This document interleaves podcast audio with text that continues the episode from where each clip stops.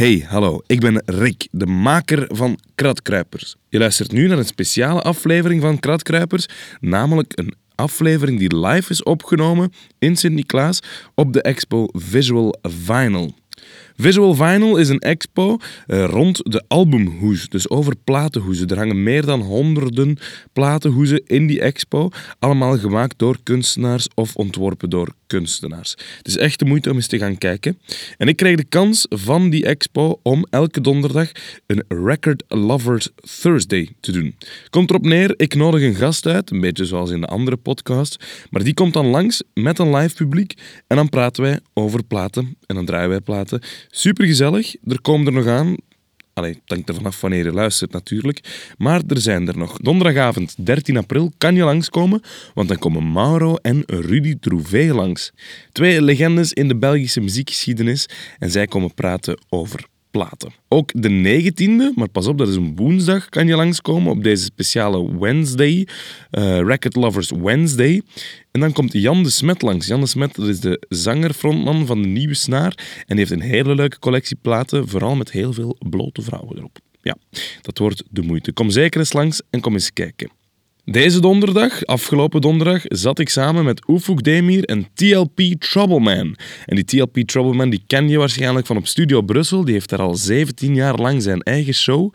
En die heeft ook thuis heel veel platen staan. We gaan live naar de Record Lovers Thursday. Heel veel luisterplezier. Ik durf er zelfs amper naast gaan zitten, want ik zit naast een legende vanavond. Het is niet dat ik bang van u ben. Een levende Troubleman, maar Yeah, you better be afraid. als je braaf houdt, vind ik het allemaal oké. Goed, TLP. Iedereen kent TLP, denk ik wel, maar misschien moet je toch nog even een introductie geven wie TLP juist is. Eh, ik ben TLP en eh, ik heb besloten om mijn eigen TLP te doen in het jaar 1985 of 86.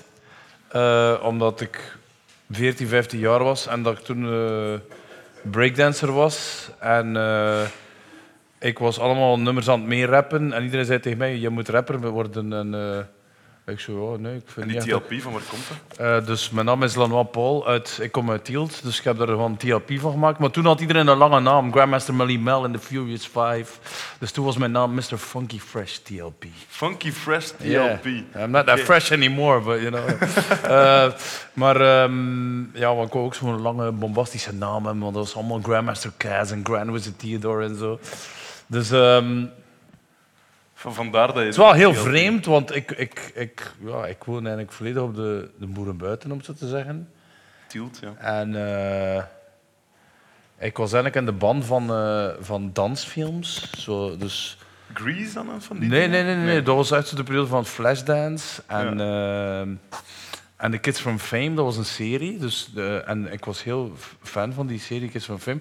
En dat was eigenlijk ook een moment dat breakdance populair aan het worden was. Dus af en toe kwam er ook eens breakdance in. Ja. En die serie, en dan in de Flashdance komt er ook een performance van de Rocksteady Crew van Crazy Legs, die ik dan eh 30 jaar later eh, ontmoet heb. Eh, ik was heel blij.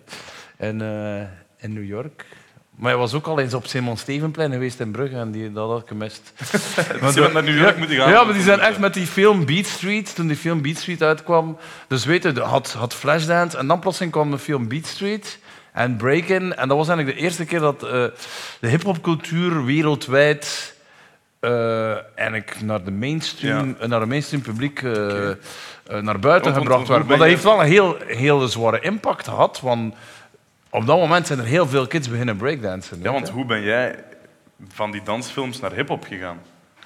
Ja, maar ja, zoals ik zei, in, eh, in Flashdance komt er een, een scène waar dat er Ja. gebreakdanced wordt. Dus dat vond ik Maar enorm... dat gaat over de dans, maar de muziek sprak je dan ook meteen aan. Eh, ja, ik, ik, ik weet... Vroeger had je zoiets en dat heette de mediatheek. En dat was, eh, dat was een bus en die kwam langs in uw dorp of stad. Een bus, oké. En dat was, dus op die bus kon je dus opstappen en daar waren platen die je kon uit... Dat was een uitleendienst, zoals een bibliotheek. Oké. Dus eh, ik had eigenlijk bij mij thuis, eh, had mijn vader een heel groot atelier, was failliet gegaan zo, en hij had een deel van die atelier ver- verhuurd aan, aan de lokale discobar van Tielt. En daar hadden ze zo platen zo van DMC en al zo van. En had ik zo al de hip-hop platen uit hun collectie gehaald. Zo. Dat was Rappers Delight en The Message van Grandmaster Flash en zo. Maar plotseling ging ik naar die mediatheek en vond ik daar een plaat. En dat was de soundtrack van de film Wild Style. En dat was, eh, ja, veel mensen hebben hip-hop pas later leren kennen, Beastie Boys, Public Enemy en zo. Maar Wildstyle is eigenlijk een van de eerste hip-hop platen die uitgekomen is. Die film is geproduceerd door Chris Stein, de, de, de man van, van, van Blondie, Debbie Harry. En, ehm, en zij komt er ook in in die film. En dat gaat eigenlijk een film over dat graffiti artists uh, vanuit, vanuit de Bronx en zo uptown geraken met hun kunst. uh, en daar de, de, de blanke, in de blanke uh, dus, um, kunstgalerijen komen. En, en, maar de, de, film is wel niet zo, zo gedistribueerd geweest en gepromoot zoals, zoals Beat Street, die een productie was van Harry ja. Belafonte. Dus, maar, maar hoe, ik heb die film ook pas later gezien, maar ik zag die soundtrack en ik had die soundtrack op een cassetje gezet en ik kende dus helemaal... Now here's a little story that must be told about two cool brothers that were put on hold. They tried to hold us back for fortune and fame. They destroyed our rap and they killed our name. Double Trouble is who we are. Dus ik kende heel die plaat van buiten, van begin tot einde. En, dus, ja, en, en zo ben ik eigenlijk... Want hetgeen is, die kinderen die zaten in de Bronx, maar jij zat in Tielt.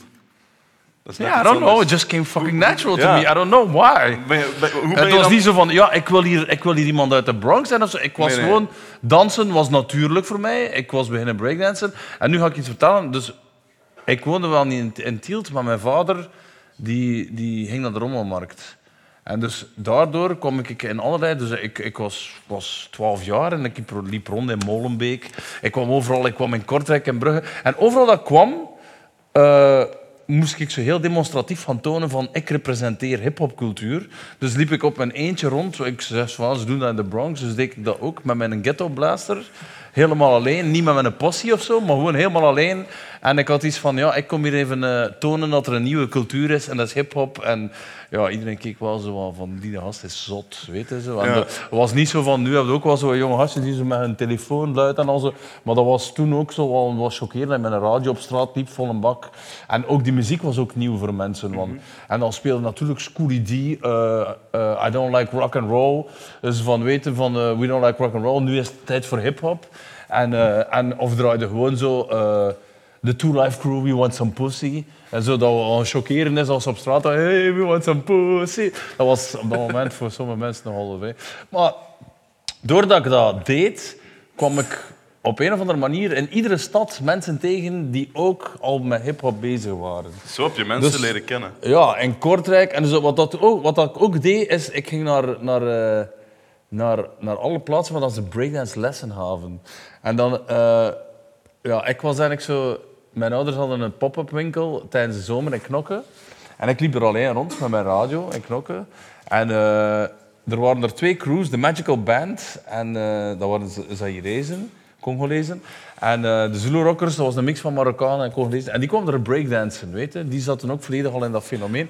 En dus ik was eigenlijk 14 jaar en ik kende eigenlijk al heel de hip-hop scene uit België. ik had, ik had een, een, een vriend leren kennen in Knokke en die was uit Hasselt. En die heeft mij meegenomen naar Hasselt en daar was er een funkprogramma op de radio en daar heb okay. ik gerapt. Um, ook als TLP dan? Ja, als TLP. Uh, uh, er was een programma op, op, uh, op Radio 2. En dat heette Zigzag van Harry Kabeke. En die, ik, had er, uh, ik had die gecontacteerd en ik zei van ik rap. En hij zei, ja, jij mag je nummer komen brengen hier live op de radio. Dus ik was 14 jaar en ik had het nummer Europe is Coming, Fresh. En hoe ging de tekst switchen? Ja, ja het, was zo, het kwam erop neer zo van dat, eindelijk, dat ik de eerste representateur, uh, representatieve persoon was die hip-hop maakte in Europa. Zo, weet. Oké, okay, ja, er, er was ook al wat hip-hop in Londen en in Parijs en zo. Want iedere woensdag was er een programma op Frankrijk. -hmm. En dat heette Hip Up. En dat was, dat was zo 20 minuutjes en dat was met Sydney. En dus ja, in Frankrijk is dat, is de, dat, dat, dat, dat heeft eigenlijk heel de Franse hip-hopcultuur, zoals dat we nu kennen, is de basis. Ja. Weet je, en wat deden ze iedere keer in, in dat programma komt iedere keer vijf minuten breakdance les. Dus denk ik, al de stoelen en tafels bij mij thuis. En, op de radio? Uh, uh, alles langs de kanten. Nee, dat was op tv. Ah, okay. Dat was echt op tv zo. En je kunt dat ook nog terugvinden, er is een Facebookpagina nu van. Um, en dat heette Hip Up avec Sydney. En dat is, het is echt een legende. Ja, dat is eigenlijk de, de basis van heel de Franse hip-hopcultuur. Okay. En, en er was een breakdance les en, en ik zo, ja, iedere woensdag naar huis komen, alle stoelen en tafels weg. En dan proberen in een move na te doen. En alle vriendinnen van mijn moeder van, eh, ja, ik weet dat er iets niet heel juist is met zo weten. Eh, maar I, I don't know, I, you know, my passion was dancing. En, en, en ik luisterde naar, naar Fame, de Kids van Fame. En dan ben ik dat was eigenlijk een moment dat de plaat van eh, Michael Jackson veel mensen geïnspireerd heeft. Zo, maar dat die plaat uitkwam en dan, dan luisterde gewoon constant naar Thriller, eh, twee uur aan een stuk, en zat de hele tijd voor je spiegel te dansen in je kamer. Redelijk narcistisch natuurlijk, maar eh, zo ben ik een beetje. En, eh, ehm, ehm, maar ja, I just love dancing. En dan, dan ben ik beginnen, beginnen rappen, omdat ik al die nummers meer Ja. heb. En, iedereen van, en ik begon ook al te freestylen. I don't know why, I just did it. En It just ook in, happened. in het Engels. Ja, ik deed het ook in het Engels, maar ik, ik sprak al vlot Engels toen ik 12, 13 jaar was. Door naar die Ja, door naar al die tv en, en die dingen te kijken. En eh, ja, dus vooruit wisten ze, dat was op dat moment een kleine sce- scene in België. Ja. Dus als er iets gebeurde, was iedereen daar. Dus er was het eerste hip-hopfeestje dat er ooit was, dat was in de Samson in Antwerpen. En iedereen was daar, Daddy K. eh, dus ik ken al die mannen al from day one, weet je. En ze waren allemaal zo van, ja, we, dat was heel grappig, want ik was een aantal jaar geleden met Daddy K in New York en we voelden ons opnieuw 15 jaar. Op die eerste hip-hop vijf. Want we zagen allemaal, er waren er allemaal legendes die we eigenlijk al heel lang wouden zien. Busy B. Ook mannen die, die meespeelden in die film Wild Style. En we stonden er als 15-jarige kids te kijken van, oh my god, weet je. En we hadden, we hadden zo weer dat gevoel van dat eerste hip-hopfeest, maar dat was, Ja. ik spreek over 1986, hè. Wanneer ben je dan zelf platen beginnen kopen ook, Ah, naast dat dansen? Eh, ik had zo, ja, al redelijk snel zo'n twintigtal, dertigtal platen. Omdat ik... Omdat ik ehm, eh, ik had ook zo wat platen gekregen van die discobar bij, mijn- bij, bij, bij mijn ouders thuis. Zo. En eh, ze hadden... ja, ik ging naar de rommelmarkt met mijn vader. Hè. Dus ik begon... Ik weet niet... Ja, ik begon gewoon platen te kopen op de rommelmarkt. En dat ging nogal heel snel. Want, we zaten juist in een periode waar, toen dat de cd ontstond. Ja. En doordat de cd opkwam, was iedereen iets van... Maar ja, platen, dat is niks meer waard. eh." Dus iedereen smeet zijn platen buiten. Kreeg zelfs platen gewoon voor niks soms. Van, eh, dat, was, dat was niet te doen. Ja, iedereen had iets van, de plaat, dat is voorbij. Het is heel grappig dat ik dat Ja, moment ja. meemaakte. En, eh, en, en iedereen is van, nu is het cd. En dus het grappige aan heel het verhaal is dat het dan uiteindelijk... Nu zijn de cd's volledig uitgestorven. En is vinyl wel, heeft vinyl wel overleefd Mhm. als enige weet je, materiale drager. Materiële drager van, van, van muziek. En dat gaat ook zo blijven. Dus cd's en eh, wat is minidiscs, eh, DAT. Ja, dat is allemaal, you know, de- zijn allemaal fases, dat is allemaal businessways, maar vinyl, vinyl stijgt. En iedereen heeft ook altijd gezegd van, je bent zot met je platen. Want dat, dat gaat niet blijven. Dus ja, ik was toch wel een beetje blij toen je plotseling zo'n revival ziet. En dat er ook weer overal platenwinkels zijn. Want je had ook geen internet, weet je. Ja. Maar je had wel al een scene van collectors. En dus heel de Northern Soul scene in Londen en zo, die kwam zo van... Zo de, de, de, de soul die in Engeland ja, ja, dus die gasten gingen gewoon in, in Amerika eh, zo gasten zo echt naar underground rare soul releases aan zoeken. En daar worden dan feestjes mee ontstaan. En er is een hele een scene ontstaan in, in Londen. Eh, nee, in Londen, in Northern England. En daarom noemt het eigenlijk Northern Soul. Maar ehm, ik ging dus die, die catalogussen van die, van die... Dat waren eigenlijk mailorderbedrijven, weet je, waar dat je kunt Ja. platen bestellen. Dus, eh, en, dat- en dat kwam dan in, in, in Londen, 6 tot 87, Norman J. en zo, die scene, dat heette de Rare Groove Scene. Ja. Dus acid jazz en zo kwam eruit. Dus iedereen was al echt al aan het diggen naar, naar, naar rare funk en soul en jazz. Dus wat deed ik? Ik, ik, ik bestelde dat, die mailorder. Je krijgt die catalogus bij je thuis. En ik bekeek gewoon heel die catalogus. Ik las heel die catalogus. En ik keek overal naar welke plaat het er veel waard was. Ja. Ik zei, oh my god, that must be a good record. I didn't know what the fuck the record was. you know? Maar bepaalde, daardoor, ja, ik was nog een jong hasje zo, en bepaalde namen leerde kennen van, van groepen. eh, wat was het? Natural Four, ehm, Heaven and, and Hell Right Here on Earth. En ik kom in Music Man, ik zie die platen liggen voor 20 frank in de solden zo. Die in Londen eigenlijk in de rare groove scene toen 30 of 40 pond of 50 pond ging. Dus eigenlijk door al die, al die dingen te bestuderen, zonder dat er Facebook was of YouTube of zo, van gewoon namen en titels en Ja. te kijken wat dat er... Wat, hey, dus it's, a, it's a digging scene, you know. Dus je zag wat dat er veel geld waard was En daardoor ik soms iets van, ah, die plaat is veel geld waard, het zal wel goed zijn zeker. En Ja. dan, dan kocht ik die plaat voor 20 frank. En dan beluister ik zo, ja, dat is inderdaad wel goed. Ja, shit. Dat is een reden dat ze Dat zoveel geld ja, ja, ja, ja. Maar dat is, dat is eigenlijk de manier waarop dat ik die dingen ontdekte. Het is niet dat ik ze... Ik, ik, ik bekeek al die catalogus en zo. En ik zag Ja. wat, dat er, wat, dat er, wat dat er geld waard was. En zo heb je nu... Diegene die je nu vast hebt... Ja, dat, dat, dat was zo, ik, zie- ik, zie, ik zie die plaat, ik zeg van, oh my god, dus eh, 10 frank heb ik daarvoor betaald. Ja, let's listen to this. Want het is ook zoiets... eh, ja, je zou niet verwachten dat er van die mannen een singeltje uitkomt. Dat is een independent label, Douglas, dus alle platen van The Last Poets. The Last Poets worden eigenlijk samen met Jill Scott Heron beschouwd als de eerste rappers. De ja. van... En het is een nummer... ehm, ja, het is, het is ook niet echt radio-friendly, eh, maar ze hebben het al op een single gezet. Met Buddy Miles, de, de, die gewoon de backing doet. Normaal gezien is dat met percussie, maar dit, is, een, is wel een cool nummer. Het klinkt ook vet. Buddy Miles is de keyboardplayer van Jimi Hendrix. Bird lives. The brother wrote on rotted pasteboard wall, right next to the sign that read, "Please don't pee in our hall." Then he reached in his slide and he pulled out the tiny transparent bag, the one filled with the chalk white powder the junkies call skag. He sighed as he hit the big vein in his arm, and his mind took off on Bird's musical charm. Now, Bird was blowing embraceable you, like only he was hip to a secret he knew. Wow, the brother said as he slipped off into a nod. Bird sure eases the pain. Now I think I'll tune in on Brother Train. He tried to get up, but his body wouldn't move. His mind told him his senses were in a groove. Finally, Bird was through, and Train took over in a spiritual debut. His heart began to pound as he dug the boss sound. Damn, bird and train, sure enough was down. And then he looked up and saw that the box wasn't even on, and it was damn near dawn. I'm high, I'm blind, I'm wasted. If I could only come down. There I go, there I go, there I go, there I go. Give me some dough so I can buy me some smack and get back on the track. He slipped off into a nod echt spoken word, poëzie. Spoken word poëzie. En eigenlijk is het ja, de, de, het begin van de rap.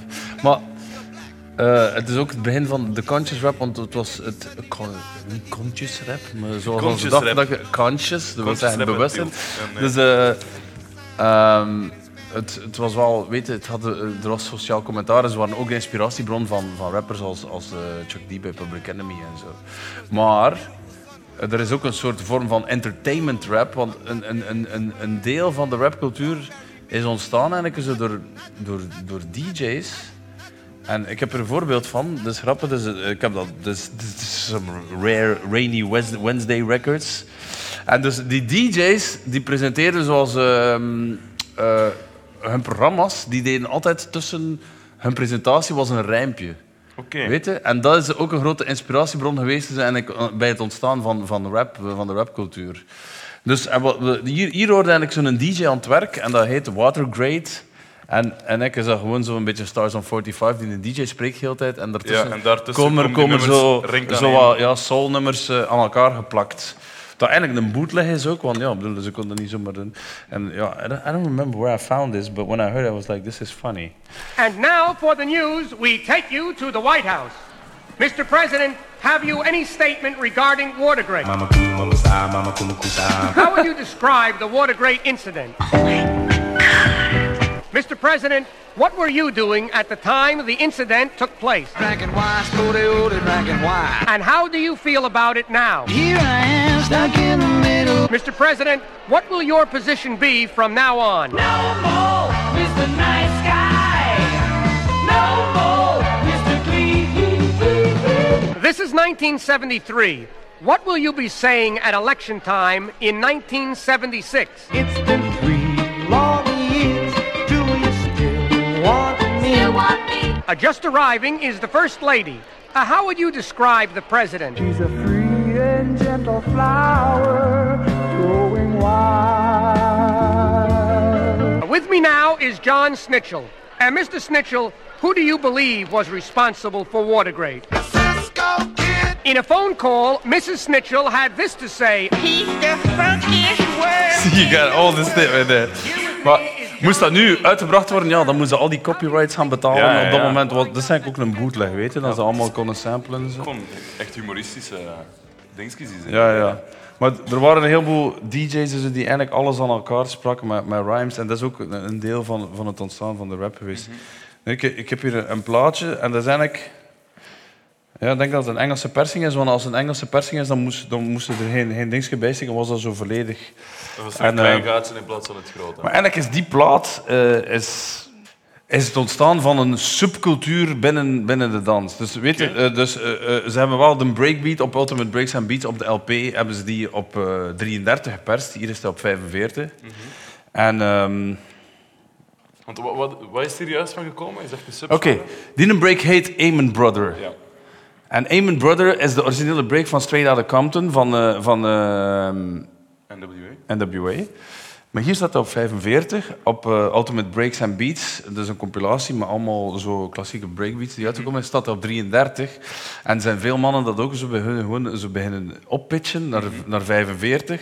En eh, in de drum and bass cultuur is de Amen brother, de Amen, dus van, hey, they use the Amen, dat is een term, weet Ja. je? Omdat dat een, een sample is die eh, duizenden keer op verschillende manieren geflipt en zo van. Eigenlijk is die een amen die op, eh, opgesneld wordt en verpitcht wordt, is eigenlijk de basis van drum en bass. Van drum en bass, Van, zo, zo is, de, is dat eigenlijk ontstaan. Het is Wel, drumbreak in het midden Maar van het eh, als een nummer nu hoort, het is een mega snel nummer. Ja. hè, Het Amen Brothers.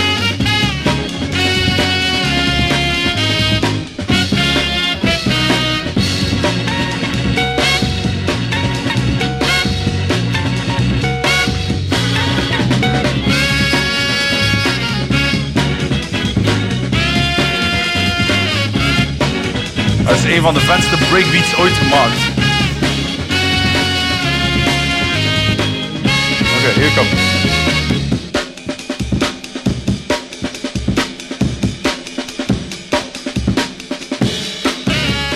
There you have it, drum and bass. Die paar seconden die hebben gezorgd dat Ja. een heel genre is ontstaan. Ja. Want ze hebben er gewoon zodanig veel manieren geflipt. Je pakt gewoon die in een break en ze hebben dus...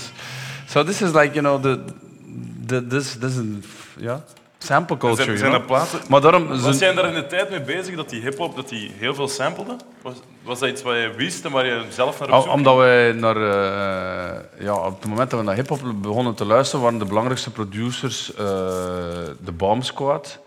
Van, eh, die, ja, die, die nog altijd ja, onevenaarbaar zijn, eigenlijk. de producers van Public Enemy. En, en was er ook geen probleem met samples. Dus had, had platen zoals bijvoorbeeld eh Straight Out the Jungle van de, van, de, van de Jungle Brothers en Done by the Forces of Nature. Op die twee platen hebben ze iedere keer een nummer en dat heet Sounds of the Safari. En dat zit vol met Afrikaanse samples en bongo's en alles door elkaar. En they didn't have to pay for copyright. Alles is eigenlijk misgegaan met Paul's Boutique van, eh, van eh, denk ik. Bij Paul's Boutique eh, zijn ze beginnen processen doen en ook bij eh, Three Feet High and Rising van, eh, van De La Soul. En that's when the whole thing flipped over. Want Dan moest er plots ja, geld dan moesten beginnen betalen wat, wat dat we heten clearance voor samples. En doordat die clearance moest betalen voor een sample, werden er veel minder zo'n nummers gemaakt. Ehm, let me play another couple of breakbeats. Die breakbeats, dat zijn dus platen waar dat er zo in het midden van de plaat een break komt. Ja, dat kan het begin zijn van de werd plaat of, of een ding van. eh, en, en vandaar ook in de, in de serie The Get Down spreken ze over. This is the get down part of the song. Dus eh, als die een break kwam, bijvoorbeeld in Give It Up at Tony Loose van, van, eh, van James Brown, Ja. eh, dan, dan werd iedereen hek en werd er ge- ge- gedanst. En de b-boys die dansten, eigenlijk komt de term b-boy van breakboy. Omdat ze dansen op het moment dat hij een break in dat nummer Ja. komt. That's where the Dus A lot of in- people don't know that. Zelfs bij James Brown, Ja. eigenlijk daar werd er al gebreakdanced. ja. Dus breakdance komt ook van de term van die een break in, in dat nummer. En that's what they call the get down part. You know? En, en ehm, DJ Cool Herc Ja. Is de eerste DJ die eh, twee platen had genomen aan de mixer. En wat heeft hij gedaan? Hij heeft dat stuk herhaald. Zoals dat wij nu Breakbeat gewoon... na breakbeat Ja, breakbeat na breakbeat. Wat dat we in DJ-cultuur de term spinbacken noemen. And that's how hip-hop culture started. You know? Omdat hij gewoon dat, dat stuk gestretched heeft, door iedere keer dat stretch opnieuw. En dan Grandmaster Flash heeft de techniek ook eh, verbeterd. En, en, eh, This is a, you know, I was, eh, ik stond in een winkel in Miami en ze zeiden van, dit, deze plaat, als die gedraaid wordt in Miami op een verjaardagsfeestje, Ja. en dat is ook een classic breakbeat, dus, eh, dan gaat iedereen wild. Oké, en, dat is en dit is een promokopje van Dance to the Drummers Beat.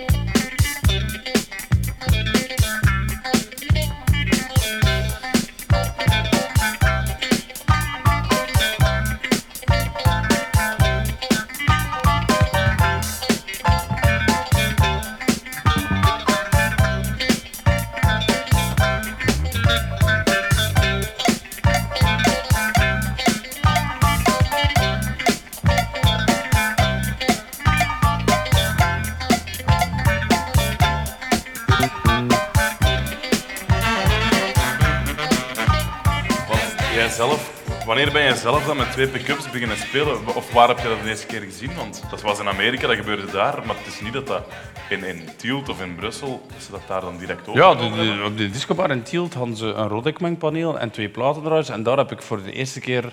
De eerste keer dat ik iemand zien spinbaggen heb, ik denk dat dat Benouli was, eh, toen ik 15 jaar was in Gent, van de Glimmer Twins.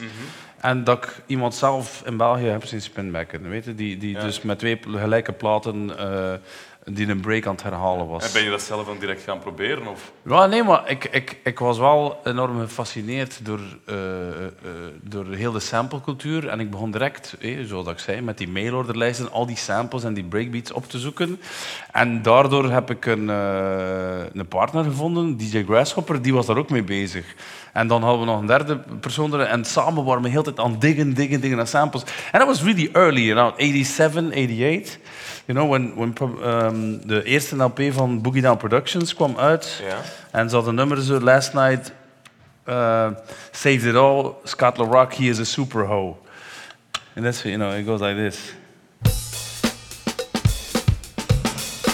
That's a fat break. That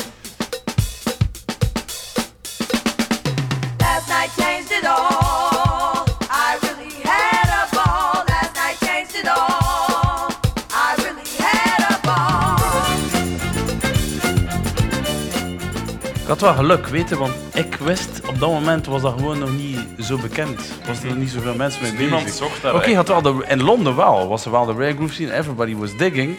Maar hier in België kon echt nog veel, ten eerste, veel mensen deden hun platen weg. Omdat ze zeiden, we gaan nu cd's kopen. Mhm. en, en, eh, en ik had ja, ik heb heel veel dingen gekocht aan, aan, aan 10 frank, die wel veel ben je, meer ben je zelf redelijk snel ook eh, voor een publiek beginnen draaien? Nee, maar ik was geen DJ. Ik was gewoon een verzamelaar. Ja. Omdat ik samen met Grass, eh wij wilden produceren en we gingen al die samples gaan opzoeken. En we zochten ook Maar dat was eerder gewoon om te hebben in plaats van om daar iets mee te doen en naar een publiek Ja, maar door, doordat Grass, hij was een DJ, en, maar ik maakte bij hem thuis altijd cassettes met allemaal soul en, eh, en, en rare grooves en jazz en funk voor mijn vrienden. En zo ben ik eigenlijk zelf ook DJ geworden. En ik, draai, ik was vrij into soul en, en, en zo ook reggae. En, en Grass die was straight up hardcore hip-hop. Weet je? Maar hij, hij hoorde wel sommige andere dingen ook. Ja. Maar ik had al die platen verzameld, die jazz en funk. En ik begon daar zo verzamelcassettes mee te maken, die wel redelijk populair waren bij mijn vrienden. En zo ben ik eigenlijk zelf, zelf beginnen draaien op zijn materiaal. Ik zweer het u, ik heb in heel mijn carrière nooit zelf twee platendraaiers en een mengpaneel thuis gehad. Nog steeds niet? Nee, ik, want ik heb altijd gedraaid op, op Grasshoppers en materiaal. Daar heb ik alles geleerd. En ja, nu heb ik dat wel zo, maar, eh, maar ja, het wordt niet echt gebruikt, want ik ben, ze dan even aan het draaien. Um, yeah, I just want to play this sample. Herbie Hancock. En, eh, it's not a quiz, but het komt uit de soundtrack ook, dus het is een reissue. I don't think I have to say where this is. but-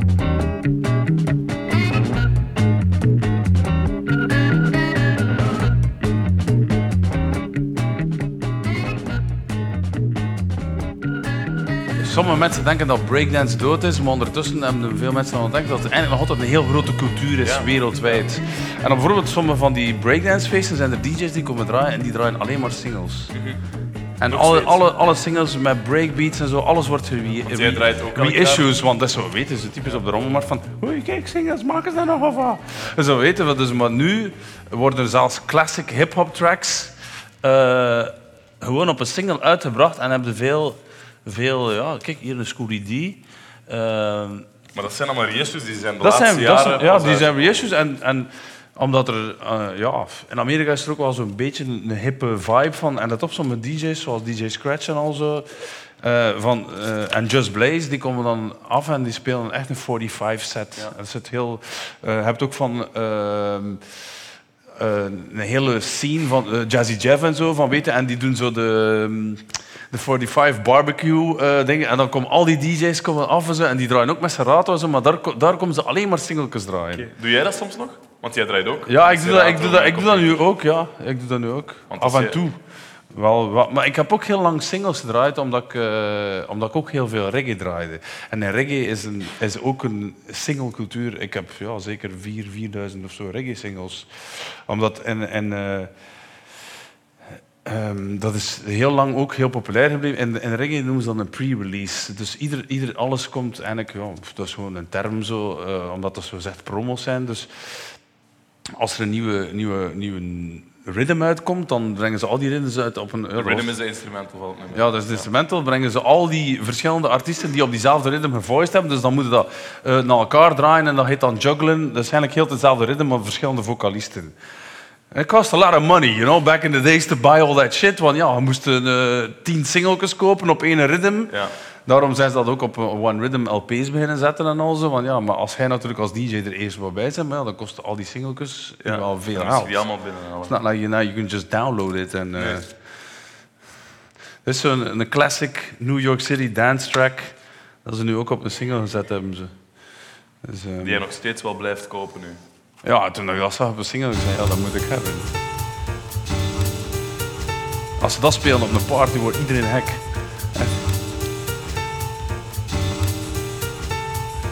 Maar die was oorspronkelijk gewoon alleen op een 12-inch.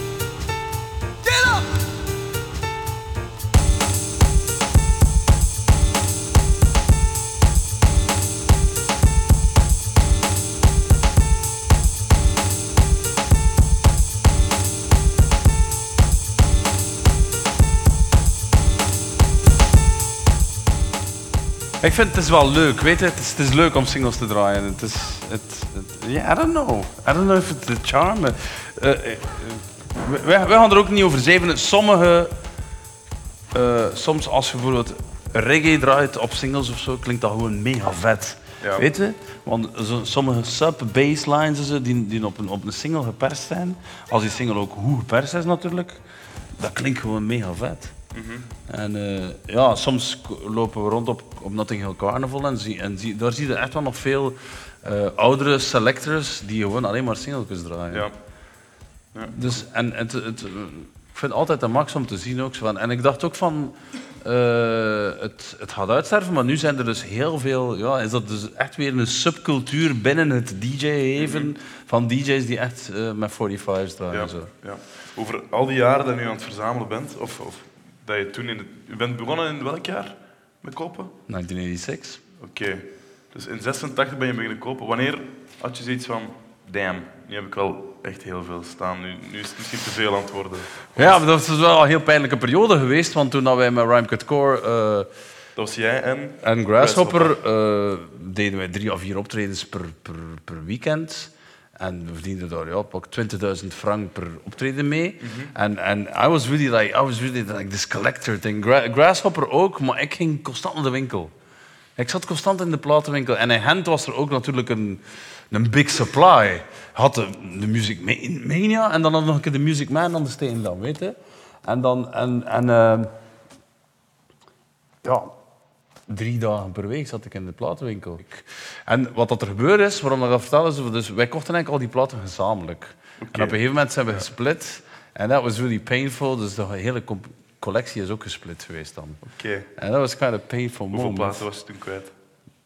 Ja, het is ook moeilijk om te zeggen van, weet je, Ja. eh, dat was mijn gezamenlijk geld, maar soms had ik wel iets van, ja, ik heb die plaat wel gekocht en gevonden en dat is, dat is wel redelijk delicaat.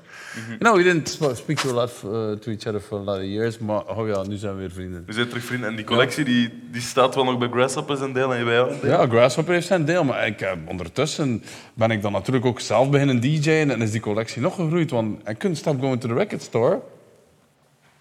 En toen ik ook mijn radioshow begon eh, bij Studio Brussel met Baals, of zo, dan, dan kocht ik heel veel reggae ook. Dus eh, ik ben nu een beetje van mijn collectie aan het liquideren. Maar ja, ik heb ja, 5000 of 6000 singles, 10.000 platen. Which is quite a lot, you know. Ah, ja, dus, eh, Kan je er gemakkelijk afscheid van doen? ja, het moeilijke is, weten van de platen dat je makkelijk afscheid van kan, krijg je ook geen bal voor, weten. Want, eh, ehm, Dus de platen die jij wegdoet, zijn de platen die, waar jij zelf ook het minst aan hebt en die misschien het Ja, minst... nee, ja, want, want eh, ehm, er zijn veel platen tussen die collectors uit zijn, dus- maar die wil ik niet wegdoen natuurlijk. Ik ben meest gesteld op, op mijn jazzplaten en, en doordat je begint te zoeken naar die samples, begin je ook in contact te komen met jazz. En, en ik zeg het u, ik heb heel veel muziek leren kennen in de mediatheek. Echt waar. In Brugge, in Brugge hadden we ook een mediatheek.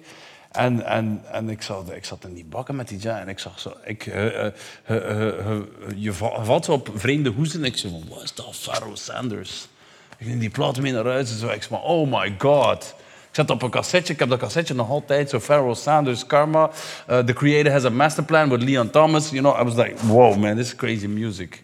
En het is ook een legendarische jazzplaat, maar, maar ja, het is wel tof. Zo, je moest, ja, ik vind, nu moeten ook wel nog... Weet je, eh, als, ze wel toffe muziek vinden, dan, dan, dan, dan zoek je gewoon. En je kunt ook op... Weet je, veel kids eh, kennen niks en veel kids zitten ook constant te diggen. Weet je, naar nieuwe muziek, nieuwe muziek, nieuwe muziek. Natuurlijk, nu is de supply aan muziek is een beetje te groot. Heb je er zelf ook moeite mee? Weet je, wij, wij, wij, wij, wij, wij kwamen in de platenwinkel in 87 of zo. En iedere maand kwamen er twee of drie hip-hop albums uit. En het was like, wow, great. Van- en plotseling zie ik een plaat van, en ik zei van, wat is dat? Ik kijk naar die hoes en ik zei van, Public Enemy, yo, Bum Rush the Show. I'm like, I need this record right now.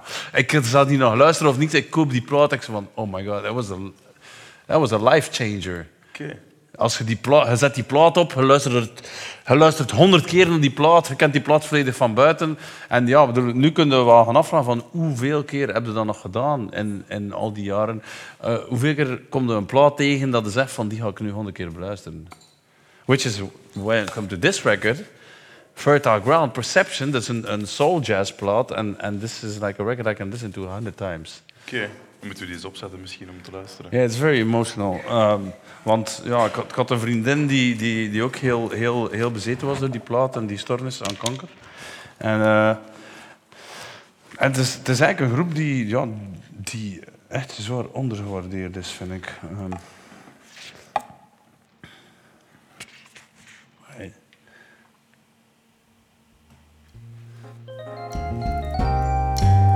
Ah, this is where- Yeah, that's it, that's it. But the whole album is amazing. Ze hebben, ze hebben drie platen in totaal. Ik denk dat ze nu niet meer bestaan. If it weren't for rain, I swear my life would just be dry. That same old black cloud up above just keeps on passing by. Now I can lie at times that gray sky leaves me blue. It tries to take away smile and mellow out my mood, but still I stay strong, and carry on. Even though I'm in a storm. Ja, maar het is- Carry. Ja, dat is, dat is dope. Ik weet nog, die plaat kwam uit zo, en, en de muziek man, en iedereen van, oh oké, ja, dan moet je checken, dan moet je checken.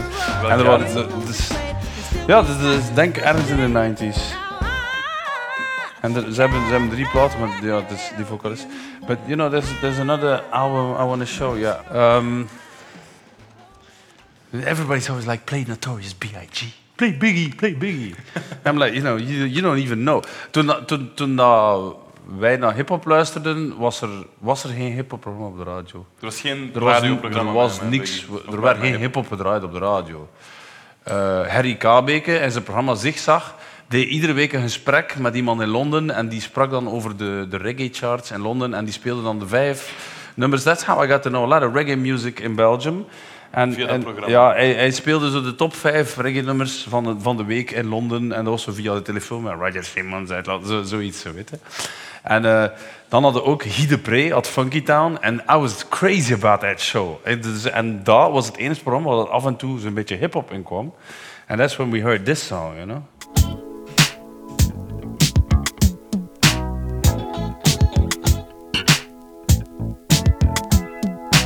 En op de, op de single staat instrumentaal ook erop. Zo. Ik was zot van die band M2 Mail. Way, you know, way before Biggie sampled Ja. this, you know. En toen hij dit hoorde, dacht je van, wow, nu komt alles bij elkaar. Yeah, you know, it was great because this was such a big club classic. Eh, ja, ik heb ja, zoveel muziek leren kennen in Funky Town. Dat was ook mijn grote, grote inspiratie voor mij om radio te gaan doen, weet je. Wel grappig van, ja, veel mensen kennen Guy de Pre van de prehistorie, van daarna. ja. Maar niet van, 2. hij was toen wel zo... eh, en ehm, ja, ik, ik, ik, ik, ik, weet, ik weet nog heel goed, dus zo, mijn favoriete band, Trouble Funk, die kwamen optreden in Manhattan. En, eh, en, eh, en ik had een ticket gewonnen op Funky Town, maar ik mocht niet houden van mijn moeders. Je mocht I'm niet naar... still pissed off until this day, man. Shit. Because, you know, Trouble Funk is like a once-in-a-lifetime opportunity. Maar dat was, dat was echt een goede show, daar. Funky Town. Maar, en ik denk dat heel veel mensen in België de funk hebben leren kennen eh, via dat programma. Hoe lang doe jij nu je programma op Stubru? Uh, ik, ik ben begonnen in rond 2000 met mijn reggae show. En dus dan daarna is dat mijn eigen persoonlijke show. is. So, you know, what time is it? 2017? 17 jaar. Ja, ja, ja, I never even thought about it. maar ik moet wel zeggen, ik, was al, ik, was al, ik heb eigenlijk altijd radio gedaan. Eh, dus wij kwamen altijd met Grass. eh, eh, dus ik zeg het u, ja, ik, om 14, als ik 14 jaar was, kwam ik binnen in de studio en begon ik daar te rappen eh, in Zigzag van Harry Kabeke. En, ehm, en dan nam er mij iemand mee naar Hasselt en kwam ik daar op de vrije radio en begon ik daar te rappen. Zo, eh, ik heb altijd... En dan toen met Grass hebben we ook heel veel vrije radio gedaan. Ja. Eh, ja, hier en daar in Brugge en zo en overal. Dus ik heb eigenlijk altijd radio gedaan van op jonge leeftijd al. Cool. Ik heb, volgens mij heb jij ook, dat is nu iets helemaal anders, maar heb jij jouw twee kinderen vernoemd naar jouw favoriete hip-hop track? Ja, ja, ja. ja mijn zoon Mel is, is geïnspireerd door Melly Mel. En eh, mijn, mijn dochter heet Zané, naar, naar een van mijn favoriete soulplaten uit de 90s. Heb je daar iets Van, van? eh, Heb je Hey Mr. Mel DJ. Ja, do I have Melly Mel? Shit, no, it's at home, against the wall. Want je hebt er veel mee, hè? Maar die Melly Mel, dan misschien... Ja, want ik was wel pissed off, want ik heb echt mijn best gedaan om Melly Mel te krijgen op mijn feest van 30 jaar TLP. En dan heeft hij uiteindelijk gecanceld op het laatste moment. En eh, dat was, dat was fucked up. Want hij is wel, is wel grappig, hij is, is zo oud al, maar hij is nog altijd heel goed als performer. Je hebt onlangs zelf ook ehm, op vinyl iets uitgebracht. ja. Er staat zelfs een nummer op dat voor de eerste keer op vinyl is uitgekomen. Klopt dat? ja. Omdat, ik... Misschien wil je eens vertellen hoe dat je erbij bent gekomen. Ja, dus eh, eh, de, de, de, eh, Anthony Hamilton, die bestaat wel op een promokopie, maar dat is redelijk moeilijk te vinden. Doneo is een UK Garage nummer dat een mega hit is. Dat eigenlijk UK Garage kwam vroeger, werd nog released op vinyl, maar nu niet meer. Dus this is the first time this is released on vinyl. What should we play for this? Okay, I'm gonna play this song. Jill Scott, Gimme, want dat is een van mijn classics. En iedere keer als ik dat nummer draai, dan, dan draait Tony Touch uit New York zijn kop van, what the fuck is that? En dan zeg ik, yo, it's Jill Scott on the B-side of that 12-inch. en en ik vind wel de max. In het begin was, was hij zo wat Tony van, yeah, yeah, whatever. Like, you know, it's not like a white boy from Belgium, from Teal's gonna teach me something about music. and I'm like, yeah, well, you got that wrong. En nu heeft hij zo, look, look, it's my TLP crate. I'm like, yeah, here you go. en... ik doe ook altijd specifieke mixes. Er komt een break in dat nummer en dan... dan, dan eh, then I bring in the intro of Ain't Nobody and then everybody's like, oh, what the fuck is happening? And then, uh, yeah, that's you one of my mixes. En die nummer is zo vet. Echt, niet normaal. Here we go, I think. Dus ik denk dat daar...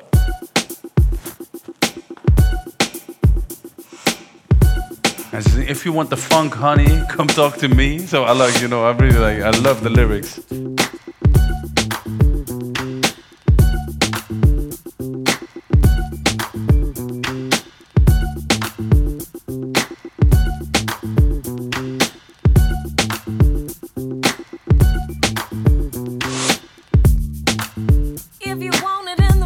That is really sexy music, shit.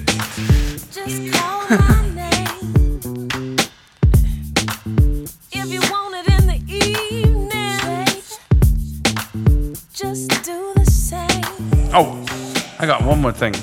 Juist, die moest, die moest wel nog This is really, you know, I've never seen anything like it. Want is, wat je nu vast hebt, is een heel klein plaatje. En er staat op Disc de Poche.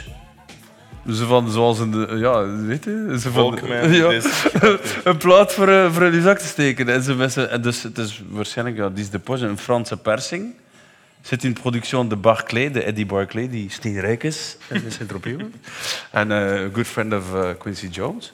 En ja, ik, ik, ik heb, ik, ik, het is ook heel emotioneel. Ik heb die plaat ook gekregen van een meisje, een goede vriendin van mij, die gestorven is aan kanker.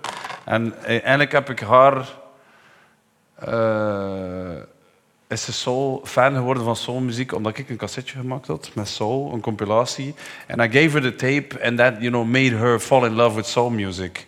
En you know, so like, en dan heeft ze op een gegeven moment dat plaatje gekregen. En toen dat ze overleden is, hebben haar beste vriendinnen gezegd van, jij mag die plaat krijgen. Zou je eens laten zien hoe groot het is? Ja, this is amazing. Look. It's like, it's, het ziet eruit als een cd eigenlijk. En ik had het eigenlijk nog nooit opgelaten, want ik dacht van, ja, maar dat gaat, dat gaat niet klinken of zo. Look, the grooves are so small. Het is wel 33 toeren. Dus er staan meer dan twee nummers op. Ja, het is een EP met zes tracks. It doesn't sound bad, right? Looking out on the morning rain. Mean, ja, ik denk misschien wel dat de groeven op de LP nog wat dieper zullen zijn, maar toch. Look, look at this, this is weird. Ik heb het eigenlijk van de week voor de eerste keer opgelegd. Echt waar, het staat al jaren op mijn kast. You know, it's like...